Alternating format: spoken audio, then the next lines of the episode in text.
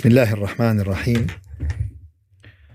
الحمد لله رب العالمين وافضل الصلاه واتم التسليم على سيدنا محمد وعلى اله وصحبه اجمعين اللهم لا علم لنا الا ما علمتنا فاغفر لنا وارحمنا برحمتك يا ارحم الراحمين رب اشرح لي صدري ويسر لي امري واحلل عقده من لساني يفقه قولي.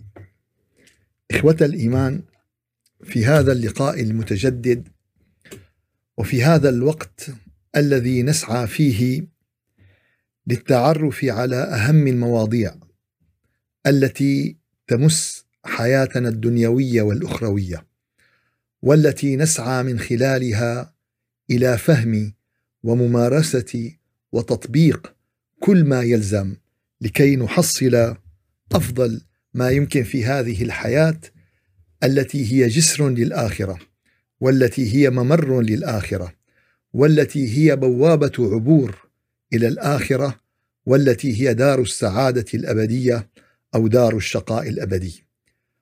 الآخرة التي تعلن فيها نتائج الامتحانات حيث لا يوجد دورة أخرى ولا يوجد فرصة أخرى فقد كان العمر هو ما أتيح لنا من هذه الفرصة. من الأمور الهامة والتي نسعى لفهم أبعادها والتأكيد عليها وإدراكها تماما هي الصراط المستقيم. هذا الصراط الموصل إلى الجنة. هذا الصراط الموصل إلى رضاء الله. هذا الصراط الموصل إلى صحبه ومحبه أنبياء الله وأحباب الله. هذا الصراط الذي أمرنا الله عز وجل أن نطلبه سبعة عشر مرة على الأقل يوميا. هي إذا واحد ما صلى إلا الفرض 17 مرة. يعني إذا ال 24 ساعة شلنا منها سبع ساعات نوم بيصفى عندك 17 ساعة يعني بمعدل كل ساعة مرة. طلب منك أنه تطلب الهداية إلى الصراط المستقيم. ليش؟ لأنه موضوع غاية في الخطورة. ليش؟ لأنه موضوع مصيري. إذا أنت على هذا الصراط وصلت ونجوت وإذا خرجت من هذا الصراط حصلت إحدى المرتبتين وكلاهما مر إما المغضوب عليهم وإما الضالين. فلا حل ثالث إما الصراط المستقيم وإما المغضوب عليهم وإما الضالين.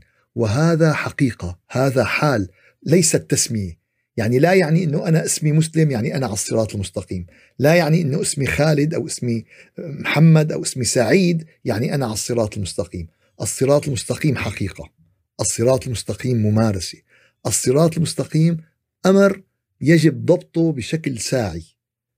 ويضبط باتصالك بأعلى وأرقى مصدر وهو الله عز وجل. اليوم أعلى الساعات بسموها الساعة الذرية. هي الساعة الذرية هي بتضبط المقاسم الهاتفية بتضبط حركة الطيران ساعة موحدة مربوطة على الكل ودائما بتتصل مع الكمبيوترات بتتصل مع أجهزة المحلوم المحمول لا لتعاير هالساعة هي.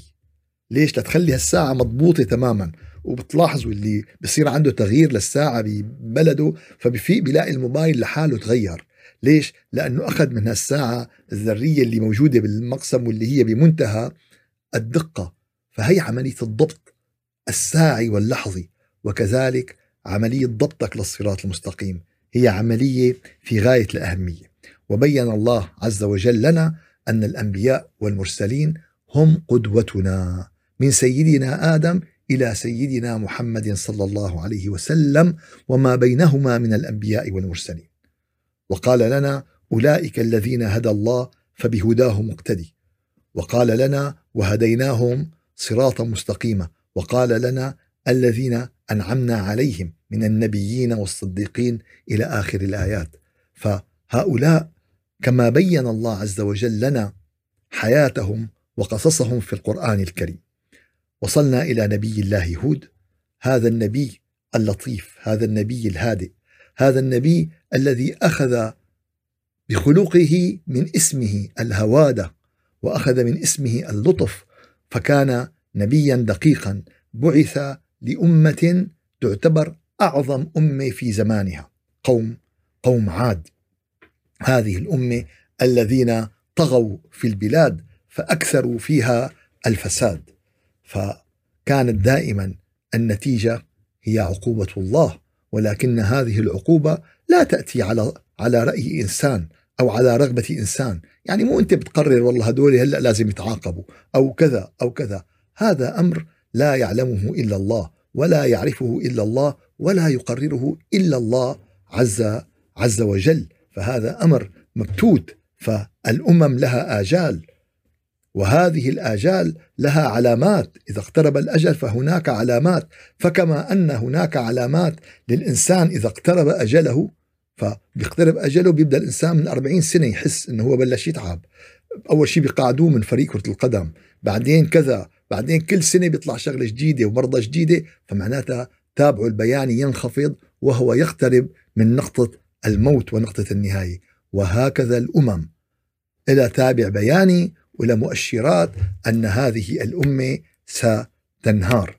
والمشكلة اليوم أننا كلنا نعيش في هذه الأمم. وكل هالأمم اليوم معرضة ما بنعرف إمتى. إمتى بيجي وقتها. ولكن المهم أن تنجو أيها الأخ. المهم أن تكوني أيتها الأخت من أهل النجاة ومن أصحاب ومن أصحاب النجاة. وقد بين الله عز وجل لنا هؤلاء الذين سينجون أنهم حصلوا قضية في منتهى الروعة. فكذبوه. طبعا هون الكلام على سيدنا نوح. الآية 64 بسورة الأعراف فكذبوه فأنجيناه والذين معه في الفلك. والذين معه الذين صحبوا نوح عليه السلام وأخلصوا وتفانوا فحماهم الله ونجاهم الله وأغرق أغرق الباقين. فاليوم نتحدث ونتابع الحديث عن المحطة التي أنهينا بها الأسبوع الماضي. هذه محطة على الصراط المستقيم هامة وهامة جدا. هذه محطة مصيرية. المحطة مصيرية هي محطة المعية الصالحة. هي محطة الصحبة. قل لي من تصاحب أقول لك من من أنت. هذه المحطة التي ستقرر مصيرك في الآخرة. ما هيك؟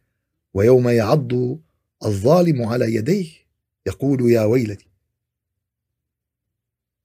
يا ليتني اتخذت مع الرسول سبيلا. يا ويلتى ليتني لم أتخذ فلانا خليلا. يا ريتني ما شو عمل لك فلان؟ قال لقد أضلني عن الذكر بعد إذ جاءني. هذا الخليل أضلني عن الذكر. هذا الخليل ضيع لي مجالس الفائدة مجالس العلم. أجي بدي أحضر لي شو بدك خلينا هلا نلعب شدة. شو بدك هلا خلينا نطلع سيران. شو بدك هلا خلينا كذا اليوم وبكرة وبعد بكرة وإلى آخره. حتى شو أضلني ويوم يعض الظالم على يديه. يقول يا ليتني اتخذت مع الرسول سبيلا. يا ويلتى ليتني لم أتخذ فلانا خليلا لقد أضلني عن الذكر بعد إذ جاءني. بس شو بفيد الندم؟ شو بفيد الندم؟ الأخلاء بعضهم يومئذ بعضهم يومئذ عدو لبعض إلا إلا المتقين. الأخلاء يومئذ بعضهم لبعض عدو إلا المتقين. هي الآية بالزخرف 67 الأخلاء يومئذ بعضهم لبعض عدو. ف يوم القيامة تنكشف الأمور. فهذه الصحبة محطة هامة وهامة جدا. وكما ذكر الله عز وجل لسيدنا نوح كذلك ذكر الله عز وجل لسيدنا لسيدنا هود فأنجيناه والذين معه برحمة منا. وقطعنا دابر الذين كذبوا بآياتنا وما كانوا وما كانوا مؤمنين فأنجيناه والذين معه. هذه المعية الصالحة. هذه المعية الصالحة التي يقابلها سنة إبليس وتصرف إبليس. فسجد الملائكة أجمعون إلا إبليس أبى أن يكون من مع الساجدين. لاحظوا مع ما قال من إلا إبليس أبى أن يكون مع الساجدين. فخسر هذه المعية الصالحة.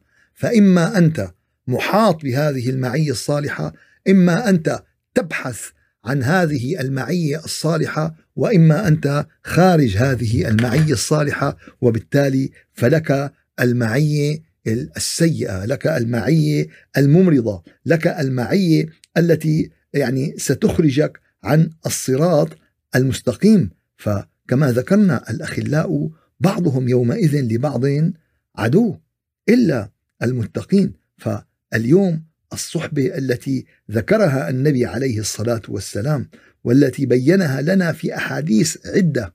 فقال الرجل على دين خليله فلينظر أحدكم من يخالل. دينك من دين صاحبك. فلينظر أحدكم من من يخالل. قال أنت مين مصاحب؟ قال والله إنسان بيشرب الخمر بدك تشرب بكرة الخمر. أنت مين مصاحب؟ قال والله إنسان والله بتهجد وبيذكر الله وبيقرأ قرآن. بكرة بدك تتهجد وتذكر الله وتقرأ قرآن. فقل لي من تصاحب أقل لك من أنت. عن ابن عباس قال قيل يا رسول الله أي جلسائنا خير؟ قال من ذكركم بالله رؤيته. يلي رؤيته بتذكرك بالله عز وجل. وزاد في عملكم في عملكم منطقه. لما بيحاكيك لما بينصحك بيخلي عملك يزيد. بيخليك تتنشط بيخليك تفيق صلاة الفجر بيخليك تتهجد بيخليك وزاد في عملي في علمكم منطقه بزيد علمك وبزيد عملك وذكركم بالآخرة عمله. دائما بذكرك بالآخرة بيوصلك بالآخرة. فقيل يا رسول الله أي جلسائنا خير؟ مع مين بدنا نجالس؟ قال من ذكركم بالله رؤيته وزاد في علمكم منطقة وذكركم بالآخرة عمله. فلذلك يا أحبابنا من هون يعني آه، بدنا نبحث عن هذه المعية الصالحة. وهذه المعية أول درجاتها هي الصحبة الفيزيائية. يكون لك شخص أنت عم تتواصل معه يكون لك عالم يكون لك معلم مربي تستعين به تستشير به. كان أهل الشام عندهم آه، مثال جميل. كان يقولوا يلي ماله كبير ماله تدبير. يلي ماله كبير ماله تدبير. وحتى بيقولوا يلي ماله كبير بيشتري لحاله كبير. والحقيقة يعني آه، هالفلسفة هي فلسفة عالمية خاصة بالحضارات الراقية القديمة. عندي مجموعة من أخوتنا الهنود الأمريكان فأحدهم كنت على تواصل معه فكان في عنده شخص كبير بالعائلة هو العم تبعهم بالعيلة هو شخصية كبيرة وكذا. فكان يقول لي إنه والله عمي قد يعني ما يعجبه كثير إني أنا عم بتردد لعندك أو كذا أو إلى آخره ولكن بعد فترة ما بلاقي غير عمه بيتصل معي. بيتصل معي فأنا تفاجأت فقال لي بدي زورك قلت له لا أنا بيجي لعندك. قال لا أنا بدي أجي زورك أهلا وسهلا. فلما أتى لعندي الحقيقة كانت المفاجأة الكبيرة. فقال لي قال لي أنا الحقيقة بحاجة إلى أنا أكبر واحد بعيلتي وأنا عيلتي بيسألوني بيستشيروني كل ما بسافر على الهند بيكونوا حاطين لي كل القصص لعالجها.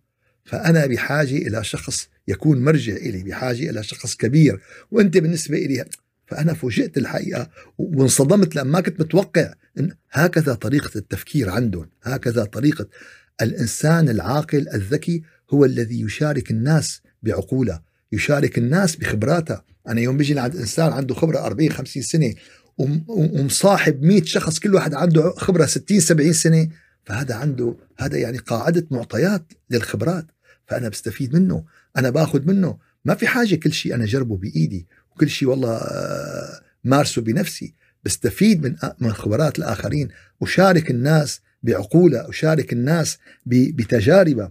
فالله عز وجل بين لنا أهمية هذه المعية في القرآن الكريم. والنبي عليه الصلاة والسلام بين والأنبياء والمرسلين بينوا لنا أهمية هذه المعية. فيعني آه، بيوم القيامة يحشر المرء مع من يحب. مين بتحب أنت بالدنيا؟ قال يا ريت أنا أعرف يوم القيامة شو بده يصير فيني. قال معروف ما بدك كثير اللي مين بتحب أنت؟ قال والله أنا بحب يعني آه، آه، X أو Y من الممثلات.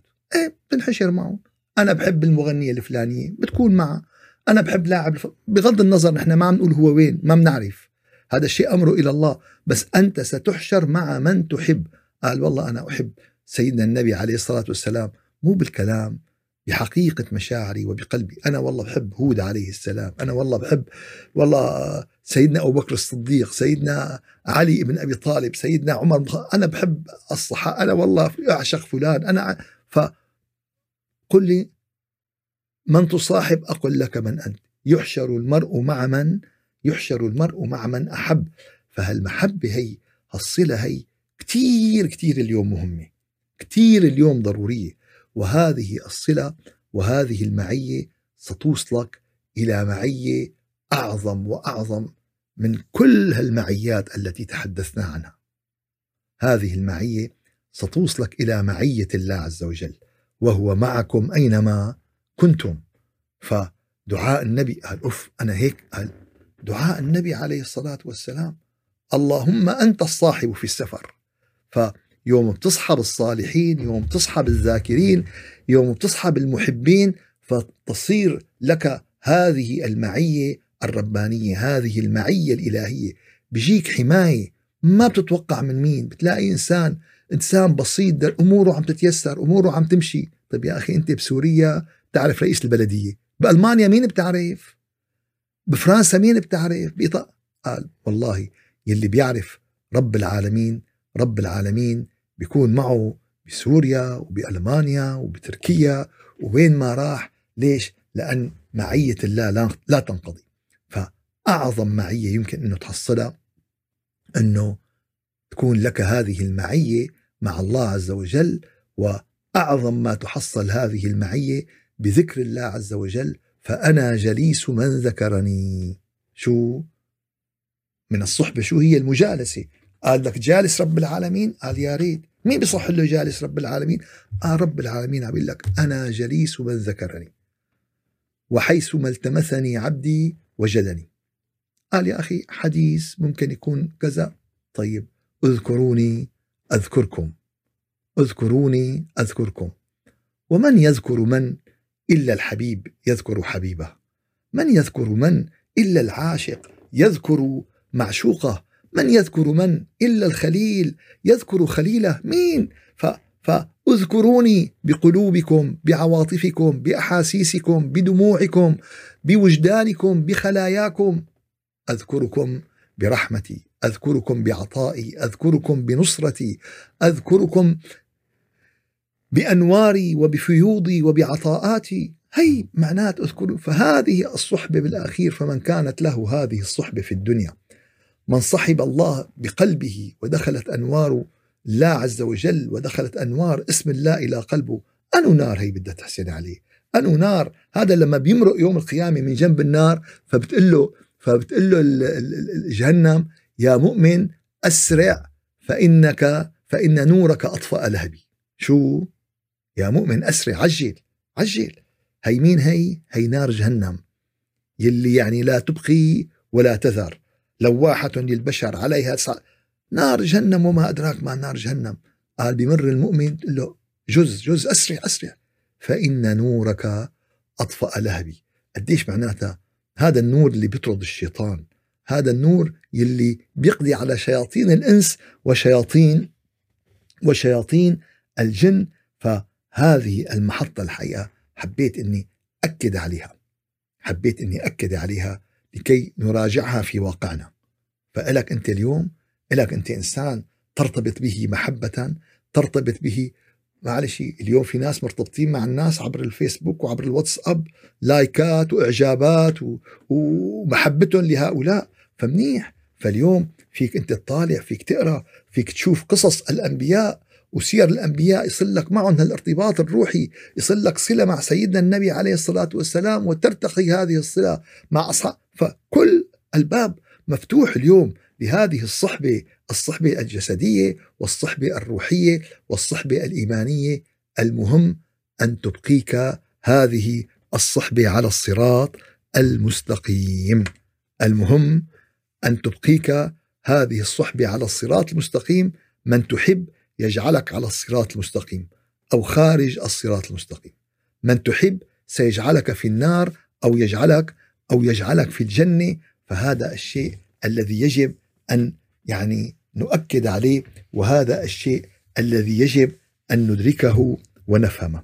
بعد ذلك تعرضت سورة المؤمنون لقوم هود ولقوم نبي الله هود الذين هم عاد وما ذكرت يعني هالأسماء مما جعل بعض المفسرين يقول لك ممكن بس صحيح ذكرت بعد قصة نوح ولكن تبقى لم يصرح فيها الاسماء.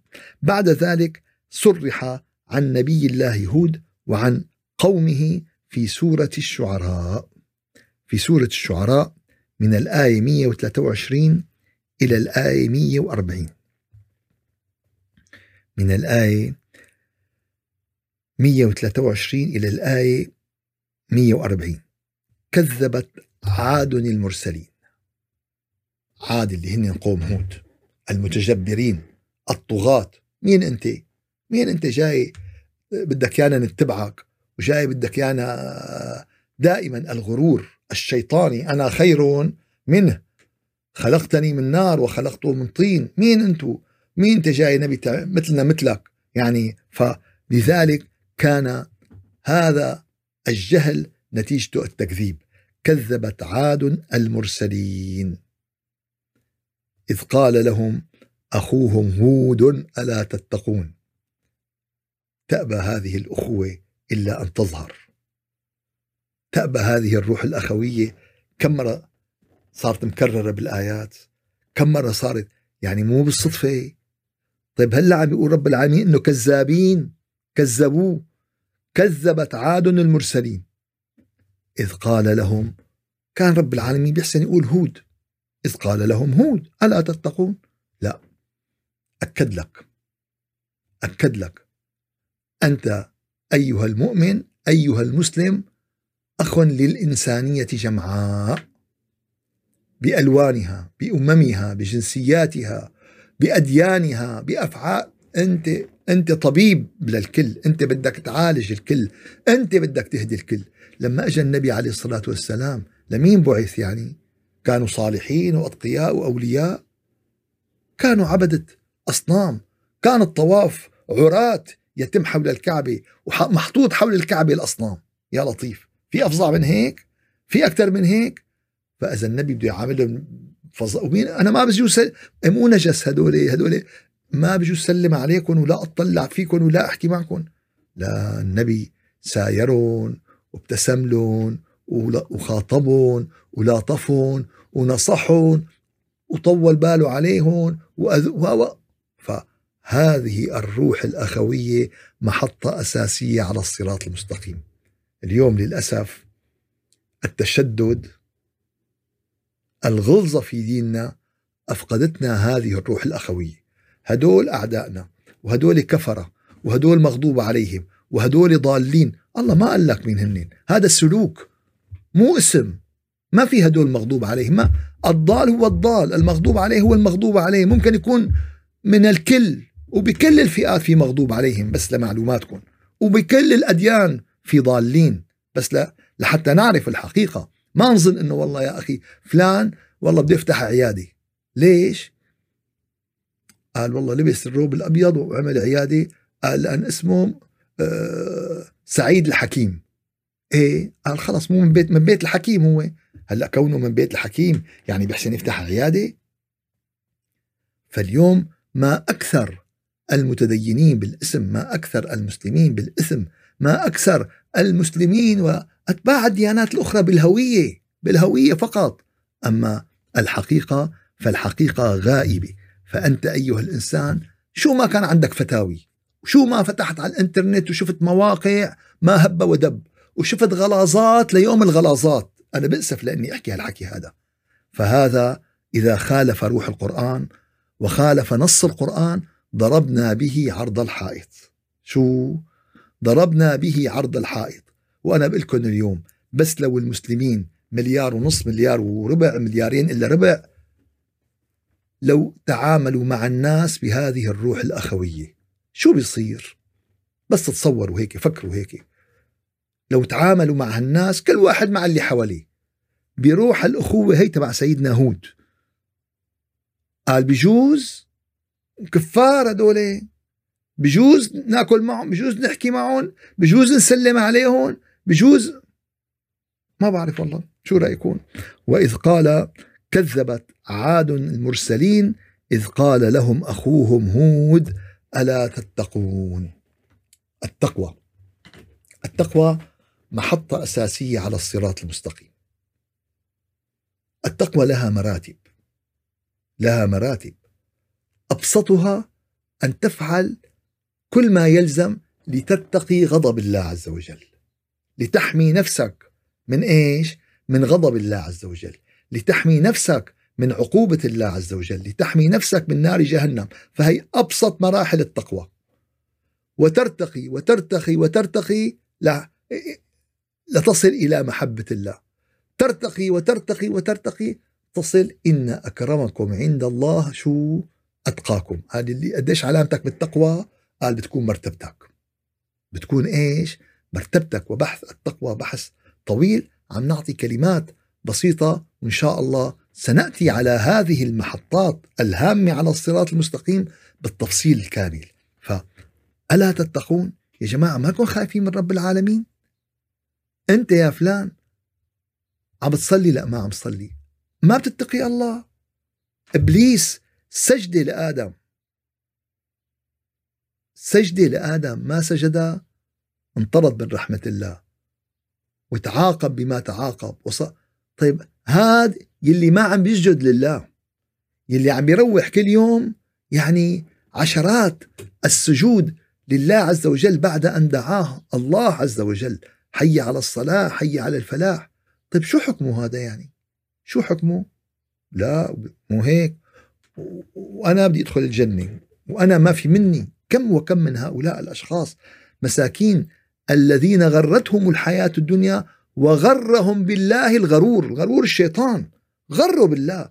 قال له أنت منيح أنت مالك آذي حدا أنت ما في منك أنت كذا أنت كذا أنت فهو اقتنع وصدق. ليش؟ لما الإنسان بينطرب لمديح نفسه لو كان من إبليس. لا لا حول ولا قوة إلا بالله. الإنسان ينطرب للمديح لو كان من إبليس. فبيقول له أنت ما في منك وأنت كذا وأنت كذا. ولكن الواقع عكس ذلك تمام. ففت إذ قال لهم أخوهم هود ألا تتقون؟ اتقوا الله خافوا مما الله عز وجل حذركم فيه خافوا من الله الذي بين لكم يعني ما هو مطلوب المرحلة الثانية فعل الأوامر واجتناب النواهي. هي كلمة بسيطة هي كلمة بسيطة. بس إذا علمت حسب بعض المفسرين أن في سورة البقرة ألف أمر وألف نهي. بس بسورة البقرة. شو معناتها؟ معناتها بدك تقرأ السطر. تشوف شو مطلوب مني. شو بدي ساوي؟ شو؟ هي معناتها التقوى. آه هلأ فهمنا ليش الدرجات بين المتقين؟ إيه لكان. هذا درجته بهالسورة عشرة هذا درجته عشرين هذا خمسين هذا سبعين هذا ثمانين. قديش أنت مطبق؟ بيقول لك أنا هي هي أول مرة بسمع فيها بحياتي. ياما كنت عم بحكي مع أشخاص. يعني يعني تتكرر معي هذه العبارة. كثير وكثير جدا تعطيه النص أو الآية بيقول لك هي أول مرة بسمعها بحياتي. أو فالتقوى هي قديش أنت تمتثل لأمر الله. قديش تجتنب النواهي. قديش تطلب ما تنفذ ما هو مطلوب. فكلما ارتقيت بهذا التطبيق العملي كلما ارتقيت في إيش؟ كلما ارتقيت في تقواك لله عز وجل إذ قال لهم أخوهم هود ألا تتقون إني لكم رسول أمين. إني لكم شو؟ إني لكم رسول أمين. وصلنا الآن إلى محطة هامة وهامة جدا على الصراط المستقيم. إلى محطة ضرورية واستراتيجية على الصراط المستقيم. ألا وهي الأمانة؟ شو؟ الأمانة. فالأمانة شيء ضروري. وضروري جدا وشيء مطلوب ومطلوب من كل واحد فينا. فالله عز وجل قال في سورة النساء إن الله يأمركم. لاحظ التوكيد. أول شيء ذكر إن للتوكيد واسم الله. ويأمركم شو؟ أن تؤدوا الأمانات إلى أهلها. تؤدي الأمانة. والأمانة ليست يعني بس مصاري أعطاك إياهم ترجع له إياهم اختصرنا نحن مفهوم الأمانة بهذا. لا الأمانة أن تؤدي حقه. الأمانة إذا حدا سألك عنه تحكي الواقع والحقيقة. هي أمانة. الأمانة أن يكون تعاملك أمين أن تؤدوا الأمانات. كل الأمانات لمين؟ قال إلى مستحقيها إلى أهلها. وخلى تأدية الأمانات قبل شغلة كتير كبيرة وإذا حكمتم بين الناس أن تحكموا بالعدل. هذا خطاب لكل الحكومات خطاب لكل المسؤولين من اليابان وسيدني لسان فرانسيسكو. وإذا حكمتم بين الناس أن تحكموا بالعدل. شو هال شو هالقرآن العظيم؟ قال دخيلك هي وثيقة حقوق الإنسان؟ قال لا. قال لك شو؟ قال هذا يعني آه، أمم متحدة طالعته قال لا قال هذا القرآن الذي أوحاه الله إلى بني الإنسان عبر نبيه محمد خير الأنام. هذا القرآن وإذا حكمتم بين الناس أن تحكموا بالعدل. يا الله بس بس هالآية هي بس هالآية هي اليوم. والله إذا طبقت في هذا الكوكب البسيط في هذا الكوكب التائه في هذا الكوكب البائس أهل لبعدهم عن الله عز وجل. وإذا حكمتم بين الناس أن تحكموا بالعدل والله لانقلب وجه هذا الكوكب وتحول إلى جنة في هذه الأرض. إن الله نعم ما يعظكم به إن الله كان سميعا بصيرا. فالله يأمركم أن تؤدوا الأمانات. إني لكم رسول أمين. فالأمانة خلق الداعي إلى الله عز وجل. الأمانة خلق المؤمن الأمانة خلق الذي يسير على الصراط المستقيم والأمانة تقيلة تقيلة مو بسيطة مو سهلة بدها إيمان بدها عزيمة بدها صدق إنا عرضنا الأمانة على السماوات والأرض والجبال فأبين أن يحملنها وأشفقن منها وحملها الإنسان إنه كان ظلوما جهولا. ليعذب الله المنافقين والمنافقات والمشركين والمشركات.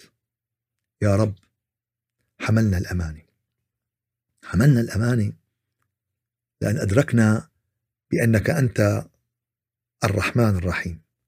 حملنا الأمانة لأن آمنا بأنك أنت التواب الرحيم. حملنا الأمانة لأن أيقنا بأنك أنت الغفور الرحيم.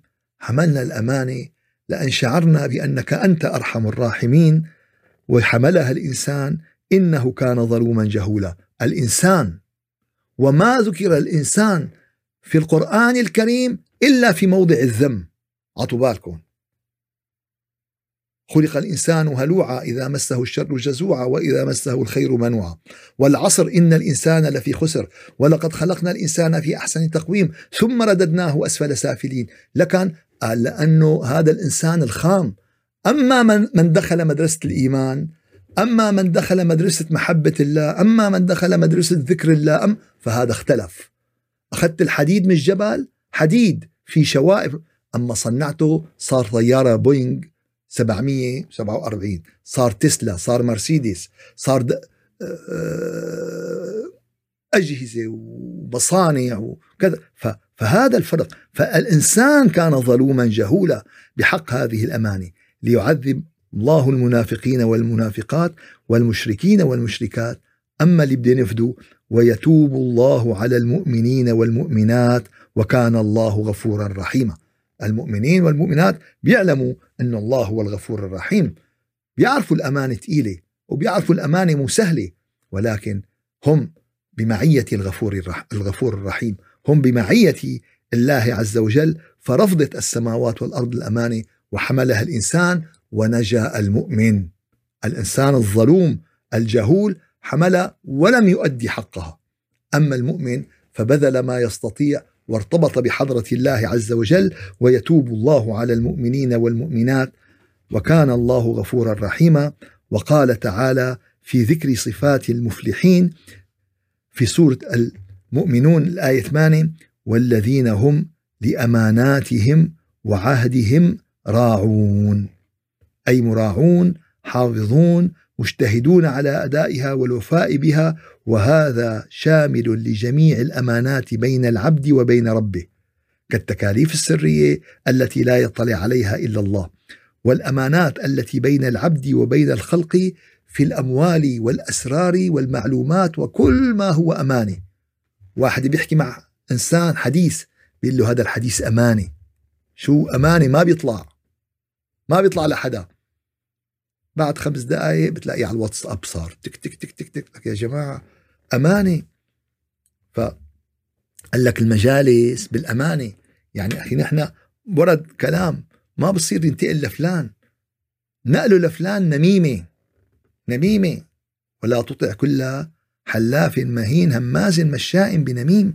فالأمانة بحث عريض بحث طويل. له مداخلات وله وله وله. ف والذين هم لأماناتهم وعهدهم راعون. صح الإنسان أبى أن يحملها ولكن المؤمن حملها مستعينا بالله عز وجل. ولكن المؤمن أدى ما يستطيع من حقها لعلمه بالله. عز وجل. وذكرنا القرآن الكريم قصة رائعة لسيدنا موسى حين سقى لابنتي الرجل الصالح شعيب ورفق بهما وكان معه عفيفا أمينا. ف ولما توجه تلقاء مدين قال عسى ربي أن يهديني سواء السبيل. ولما ورد ماء مدين وجد عليه أمة من الناس يسقون ووجد من دونهم امرأتين تذودان. قال ما خطبكما؟ قالتا لا نسقي حتى يصدر الرعاء وأبونا شيخ كبير فسقى لهما ثم تولى إلى الظل. فقال ربي إني لما أنزلت إلي من خير فقير فجاءته إحداهما تمشي على استحياء. قالت إن أبي يدعوك ليجزيك أجر ما سقيت لنا. فلما جاءه وقص عليه القصص قال لا تخف نجوت من القوم الظالمين. قالت إحداهما يا أبت استأجره. فهيمة فهيمة قالت يا أبت استأجره إن خير من استأجرت القوي الأمين.